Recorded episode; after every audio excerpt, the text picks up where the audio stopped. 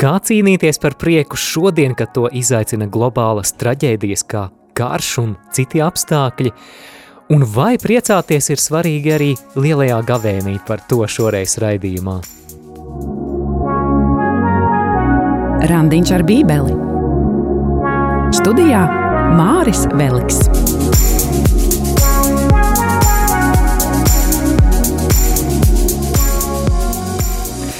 Es esmu sveicināts Randiņa ar bībeli draugs, es esmu sveicināts radio Marija klausītāji.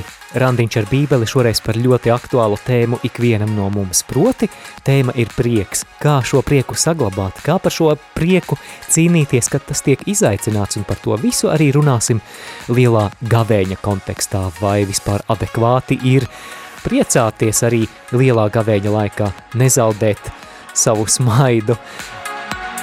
Es Atzīšos arī kādā lietā, dārgo klausītāji. Šīs lielā gavēņa pirmās nedēļas darba ziņā man ir bijušas ļoti intensīvas, un tāpēc man tiemžēl nav bijusi iespēja sagatavot Mateja evaņģēlijas studiju turpinājumu. Bet es atradu kādu deviņus gadus vecu lekcijas ierakstu, ko es runāju kādā aizgavēņa pankūku ballē, un šīs uzrunas tēma ir par prieku un par gavēni. Vakar es to noklausījos un es pats biju aizmirsis šīs lekcijas saturu, bet mani vakar pašu uzrunāja un es sapratu, ka arī tev klausītāji tas var noderēt, arī tur būs daudz humora, es ceru, ka šis raidījums šoreiz tev ļoti uzlabos gara stāvokli šajā laikā, kad es domāju, ka mēs ik viens kaut kādā ziņā cīnamies par savu prieku. Tad nu klausāmies deviņus gadus vecu lekciju, iedomājieties, toreiz vēl Radio Marija Latvija nepastāvēja – Izrādās, es nebiju uz mēli kritis, labi joks. Ak jā, vēl atvainojos par to, ka skaņas kvalitāte lekcijas ierakstam nav ideāla, galu galā tas nav ierakstīts studijā, bet kāda pasākuma norises vietā, bet es ceru, ka viss būs labi dzirdams, patīkamu klausīšanos un lai Dievs svētī ar prieku šodien.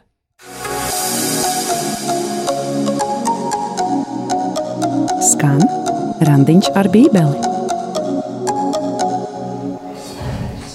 Šīs uzrunas tēma ir prieks. Bet vispirms es vēlos kopā ar jums uzjautrināties par laicīgajiem masu mēdījiem. Tante Google ir visgudrākā tante pasaulē. Tuvojas gavēņa laiks, un es nesen iegūglēju, kā gavēt. Wow. Ziniet, tante Google zināja, ko atbildēt, un izmeta tādu rakstu, ka es vienkārši nevaru nepadalīties. Mm. Tātad, ja jūs gribat pilnveidot savu garīgo dzīvi, tad, tad lasiet Delfus. Šis būs raksts no Delfiem. Es dažus citātus, kas man īpaši uzrunāja. Tātad, ja tu esi guvusi apņēmību pievērsties kā vēlim, bet īsti nezini, kā to piekopt, vai trūkst pārliecības, Ieskaties galvenajos gavēņa būtības aspektos, te jau baigi nopietni. Tātad galvenie gavēņa būtības aspekti. Lielais gavēnis ir cēlies no reliģiskām tradīcijām, un pievērsiet uzmanību, kura mērķis ir ķermeņa un prāta attīst, attīrīšana. Wow! Cits citāts. Atteikšanās no smaga ēdiena būs atelpa tavam ķermenim un iespējams palīdzēs atbrīvoties arī no kāda ziemā iegūta lieka kilograma pirms vasarās atnākšanas. Un tagad par ēdienu karti. Jūs zināt, kā jāgavē pareizi? Pamata ēdienu kartē jāsastāv no viegli apstrādātiem graudaugiem. Gaļa tiek izslēgta no raciona. Šo vārdu es nesen iemācījos. Racions tātad. Tā kā 40 dienas nav īsts posms, gaļas uzturvērtību var aizvietot ar dažādiem pākšaugiem. Saldumi un citi našķi gavēņa laikā netiek ēsti. Tāpat jāatsakās arī no kafijas un alkohola. Nē, tur ir labas lietas, bet uh, tas tikai ievadam. Es nezinu, kā tu esi apņēmies gavēt, bet es vēlos atgādināt kādu lietu, par ko mums teica Jēzus. Un tāpēc es nolasīšu vārdu no Mateja evaņģēlija sestās nodaļas.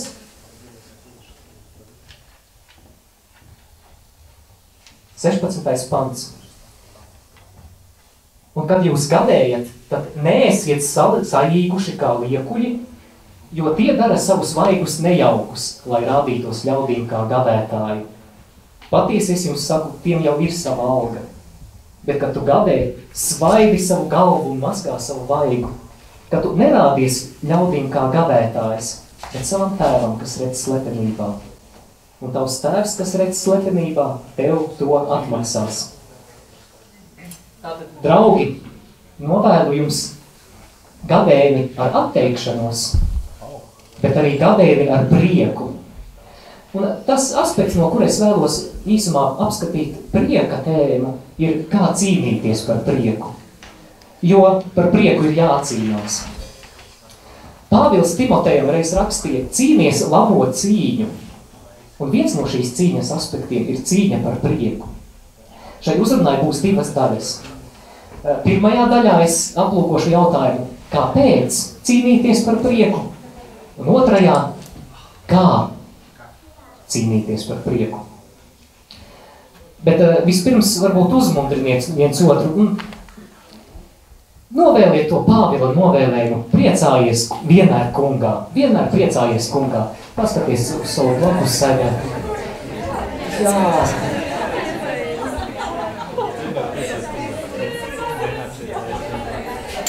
Neizmirsti to. Jā, vienmēr priecājies kungā. Es jums arī novēlēšu, vienmēr priecājieties kungā. Tātad, lūk, daži iemesli, kādēļ ir vērts cīnīties par prieku. Pirmais iemesls. Priecīgs cilvēks ir mazāk pieejams kārdinājumiem un kritieniem. Vēlreiz, priecīgs cilvēks ir mazāk pieejams kritieniem. Es, un es domāju, ka daudzi no jums esat pamanījuši, ka tad, kad mēs esam nomākti, kad mēs esam tādi nekādi, kārdinātājs kā līdz klāt.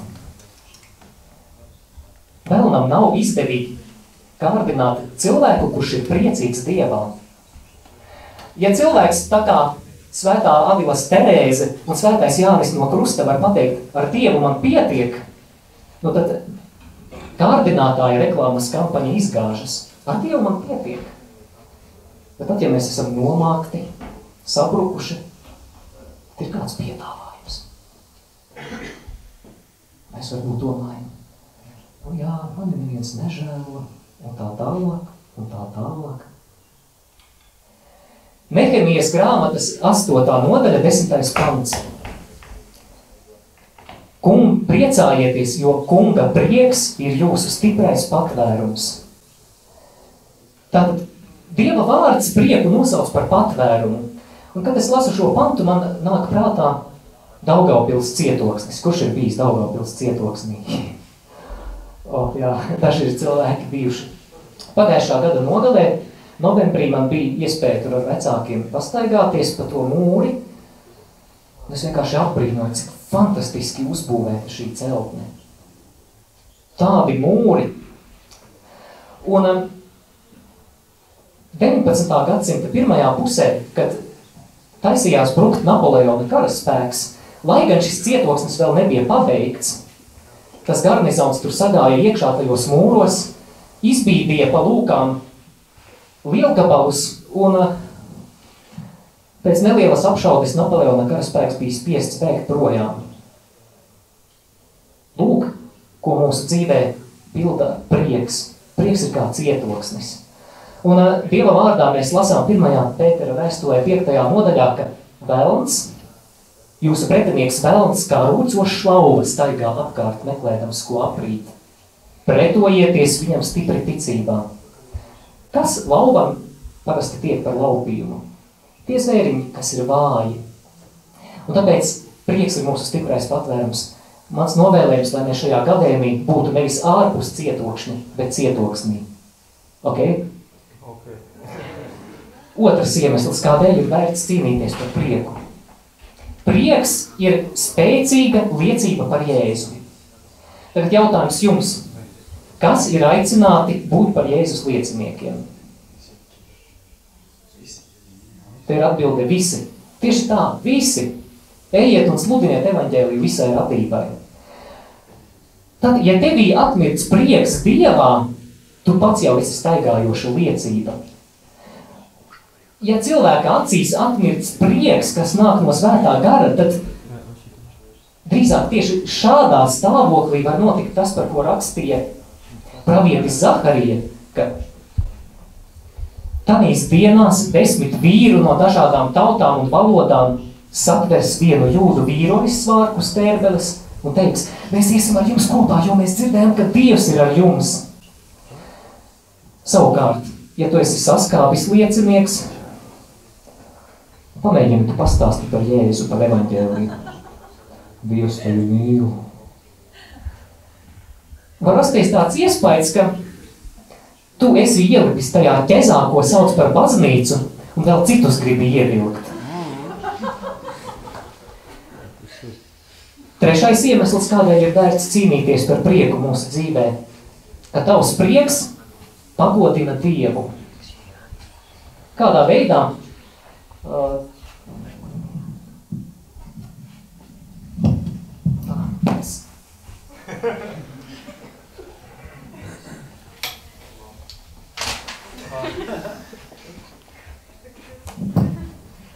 Andri, man šī intervija. Lūk, šī ir Andra uh, ģitāra. Uh, vai tevi iepriecina šī ģitāra? Jā. Kāpēc? Tāpēc, ka viņa ir smuka. Kad tu spēlē, ko tu saki? Es spēlēju, es neko nesaku. Jā, bet saki, nu, saki, vai man nejūt, nejūt, nenojūks scenārijas, saki, cik forša ģitāra. Cik forša ģitāra. Jā, tieši tā. Ļoti elementāri.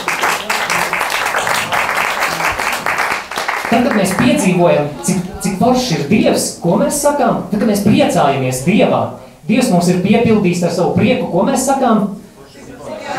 Slava kam? Slava Dievam. Tieši tā. Kā, kādam nokrituši papīri ir.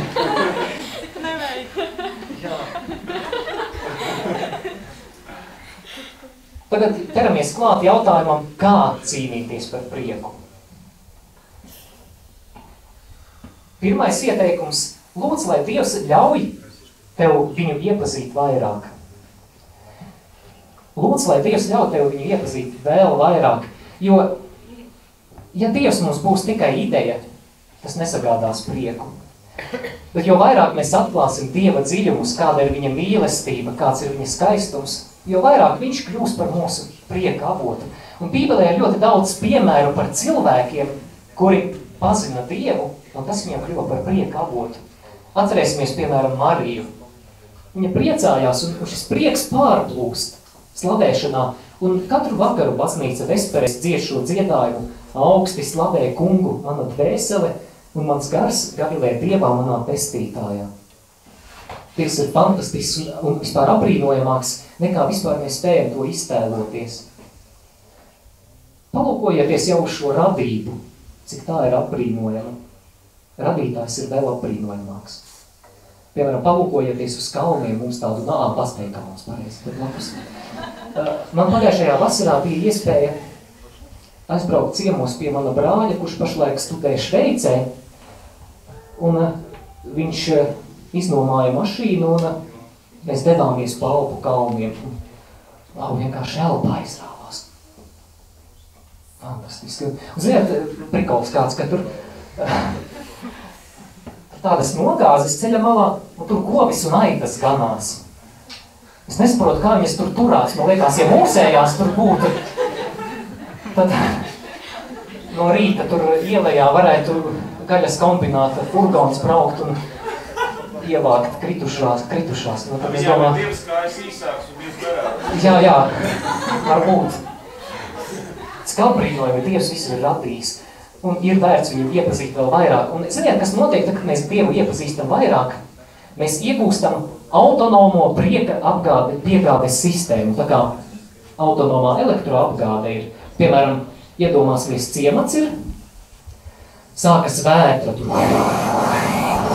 gāžas, nevis mikrofona statīvi, bet tie elektrības stabi, visiem pazūd gaisma, pēkšņi Visi skatās, ka vienam kaimiņam gaisma deg. Iet jautāt, kas par lietu? A, man te, te savs ģenerators pagrabā. Lūk, ja mēs atklājam Dievu, iepazīstam Dievu kā prieka avotu, mēs iegūstam šādu autonomo ģeneratoru. Un, ziniet, kas notiek, mēs, mūsu prieks top atbrīvots no apstākļu jūga.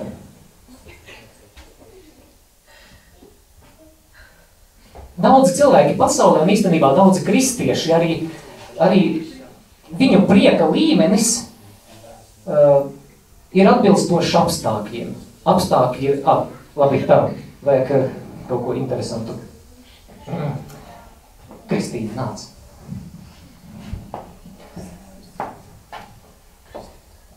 Es zinu, ka tev ļoti labi sanāks notēlot to, ko es tagad lūkšu. Tagad eh, tēlo vienkārši, ka tu esi pastaigā, tu esi labi nokārtojis visus eksāmenus un putniņi dzied un saulīte spīd un, un, un tu esi iemīlējusies visforšākajā puisī. Un, un vispār tev kaut kādu labdarīgi ieskaitījuši kontā naudiņu. Tagad domā, uz kuru piecvaigžņu restorānu aiziet pavakariņot. Lūk, Viņas prieka līmenis ir atkarīgs tagad no šiem apstākļiem. Tagad tā, priekškars aiziet. Nākamais kadrs. Jā, nākamais kadrs. Tagad slaptraņķis krīt kaut kas slapš no debesīm. Tas superforšais puisis ir uzmetis un, un pateicis, nē, naudas nav, leduskapī ir tikai viena konservu bunģa. Un pasniedzējs teica, ka nu, pārkārtosi eksāmenus vasarā. Un viņas prieka līmenis atbilstoši apstākļiem iet uz leju. Paldies, aplausi mūsu brīvprātīgajai.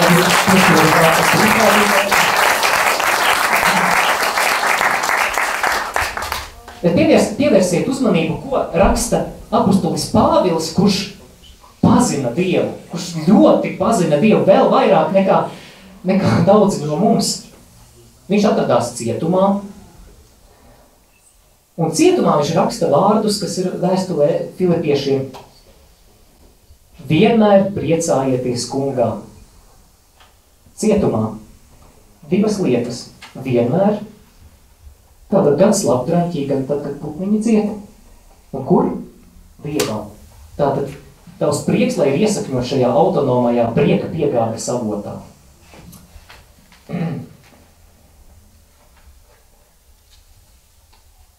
Otrais. Iemācīs pareizi skatīties uz savām problēmām. Tad, kad mēs skatāmies uz mūsu problēmām, mums patīk par tām meditēt, vai ne? Bieži vien mūsu priekšā var atrasties problēma, kas ir kā zobu bakstāmais. Mēs uz šo problēmu skatāmies un ai, ai, ai, ai. Šis zobu bakstāmais aug, aug, aug, un trakāk. Un jo vairāk mēs par to domājam, pēkšņi mūsu priekšā ir tā, tāds, tāds zobu bakstāmais kā Rīgas televīzijas tornis. Un tad mums sāk šķisties, ka tas krīt mums virsū. Bet uh, paskatīsimies Pāvila recepti. Pāvils, kurš uz šiem zobu bakstāmajiem prata pareizi skatīties. Viena fantastiska pārsteidzoša rakstu vieta otrā vēstule korintiešiem 4. nodaļa 17. pants.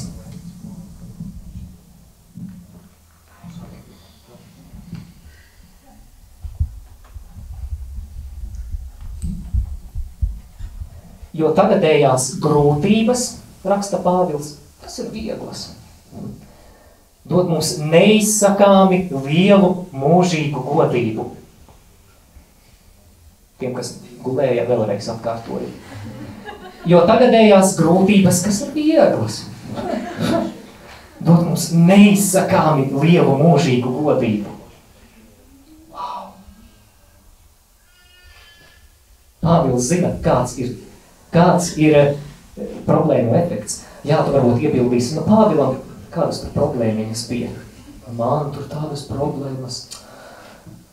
Labi, šī pati vēsture, otrā vēsture korintiešiem 11. nodaļa. Paskatīsimies uz Pāvila mazajām problēmiņām. Salīdzina ar savām problēmām.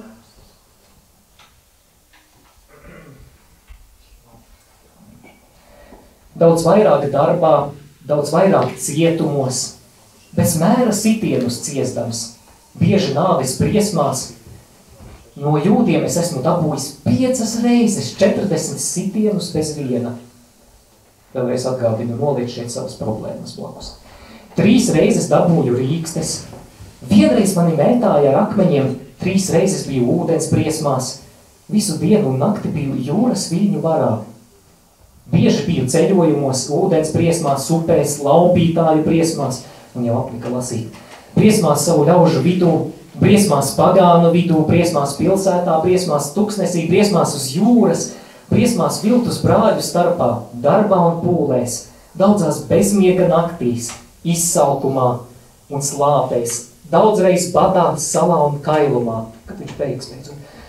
Pēc tam viss pārējais, ļaužu pieplūtums ikdienas, rūpes par visām draudzēm, kur ir kāds nespēcīgs, un es būtu nespēcīgs.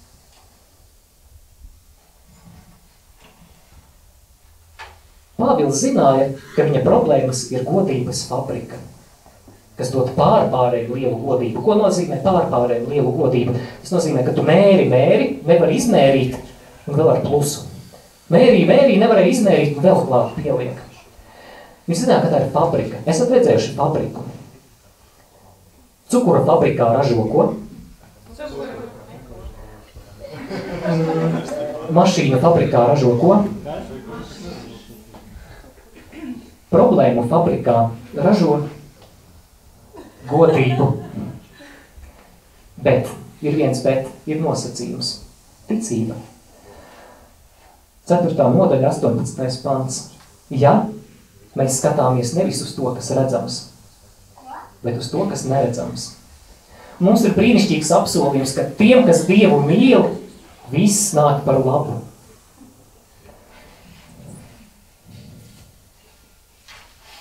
Ah, un vēl par šito pašu tēmu, par to, kā iemācīties pareizi skatīties uz problēmu, man vēl desmit minūtes palika. Uh, par kārdinājumiem. Esat lasījuši Jēkaba vēstuli pirmo nodaļu.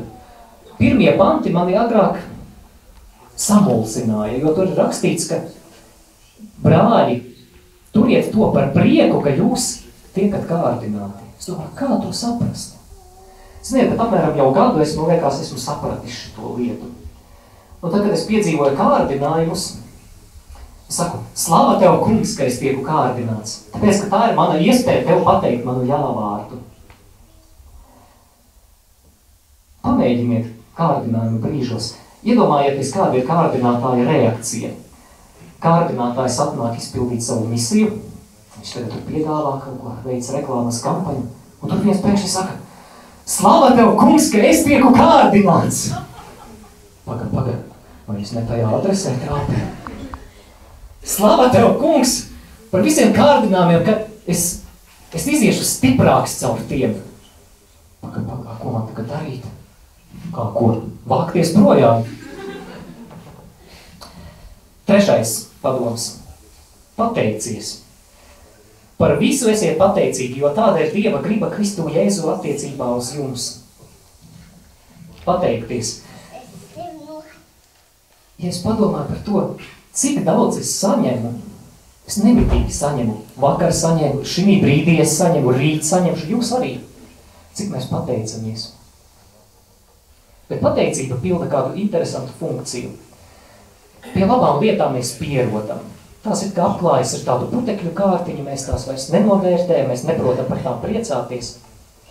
Bet tad, kad mēs pieņemam tādu lēmumu, ka tagad es desmit minūtes pēc kārtas kaut vai uzlieciet taimeri. Desmit minūtes tagad pateikšos par visu. Mēs tā kā ar lupatiņu noslaukām tos putekļus un atkal ieraugām, cik Dievs mūs ir svētījis. Ceturtais. Atklāja Dieva vārdu kā prieka avotu.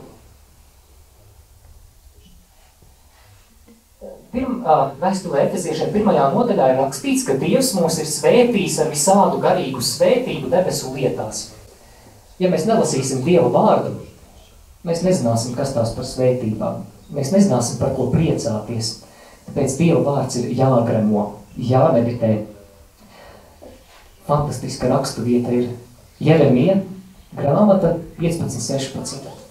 Tik bieži man atskanēja tavs vārds, un es to uzņēmu kā barību.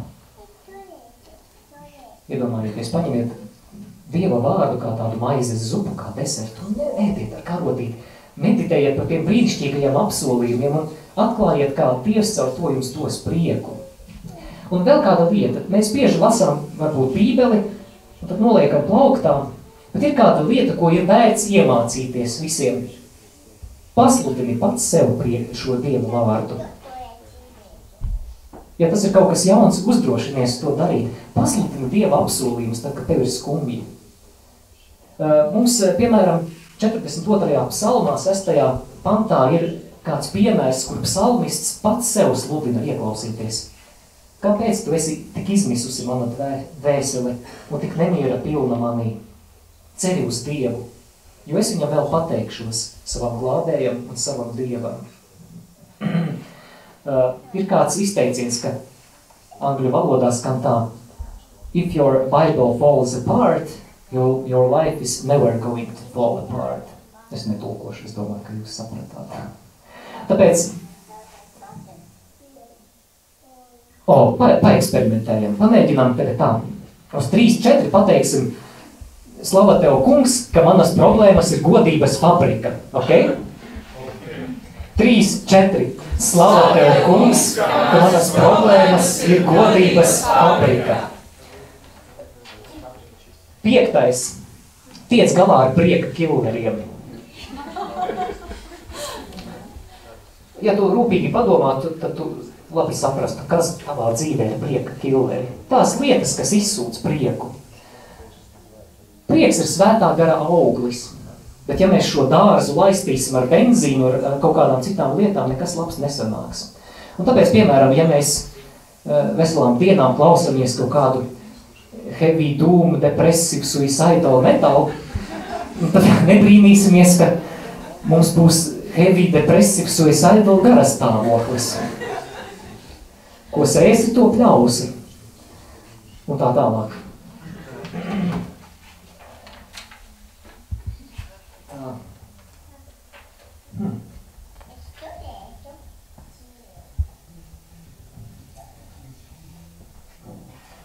Jāmēģina atcerēties no galvas, ja jau tas papīrs ir kaut kur pazudis. Sestais iemesls, ah, jā, sestais padoms, šitas ir baigi foršais. Es to izlasīju Tomislava Ivančiča grāmatā. Tur bija tāds padoms, pastāst Dievam joku, pastāst Dievam anekdoti. Mēs to izmēģinājām pagājušajā gadu svētceļojumā ar pļaviņu grupu, un visiem ļoti patika. Nopietni, tam nav nekāda zaimošana. Kas ir radījis humora izjūtu? Dievs. Pastāsti viņam labu anekdoti. Un tad ieklausies, kā Dievs smējās. Un saņem to prieku, kuru viņš tev dod atpakaļ.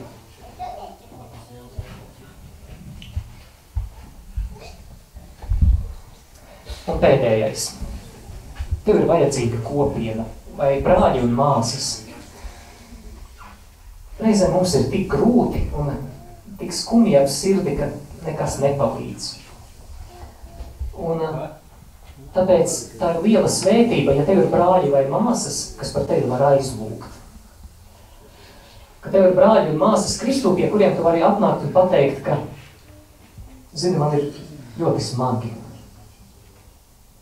Aizlūdz par mani. Es atceros kādu smagu situāciju manā dzīvē. Daudz, kas mani sāka nospiest. Un es zinu, ka tajā situācijā šī, šī uzruna man nebūtu palīdzējusi.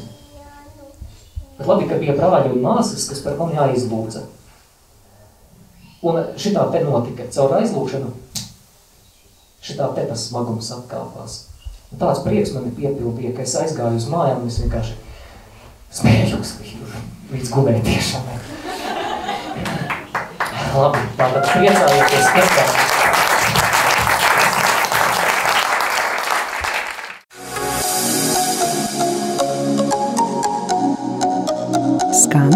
Randiņš ar Bībeli. Šoreiz randiņā ar bībeli dzirdēja deviņus gadus vecu lekciju no kādas aizgavēņa balles par prieku un par gavēnies. Ceru, ka tevi uzrunāja. Ja tev šis raidījums patika, cerams arī, ka lika mazliet, mazliet pasmaidīt. Ja tev patika un ja tu klausies arhīvā vai caur sociālajiem tīkliem, tad ielaiko un padot tālāk un tādējādi palīdzēsi Radio Marija misijai izplatīties arī virtuālajā pasaulē. Vēlos noslēgt ar apustuļa Pāvila vārdiem, ko jau minēju arī lekcijā no vēstules Filipiešiem 4, 4. Priecājieties, kungā, es jums vēlreiz saku, priecājieties, lai svētais gars svaida tevi ar prieka eļļu šajā lielā gavēņa laikā, šajā izaicinājumiem pilnajā laikā, lai tu sajūti viņa prieku un lai Dieva prieks ir tavs stiprais patvērums. Esi svētīts! Jūs dzirdējāt raidījumu Randiņš ar Bībeli. Savas atsauksmes, ieteikumus un jautājumus sūtiet uz raidījuma e-pastu randiņš ar bībeli at gmail.com. Iepriekšējās raidījuma epizodes var atrast arhīvā.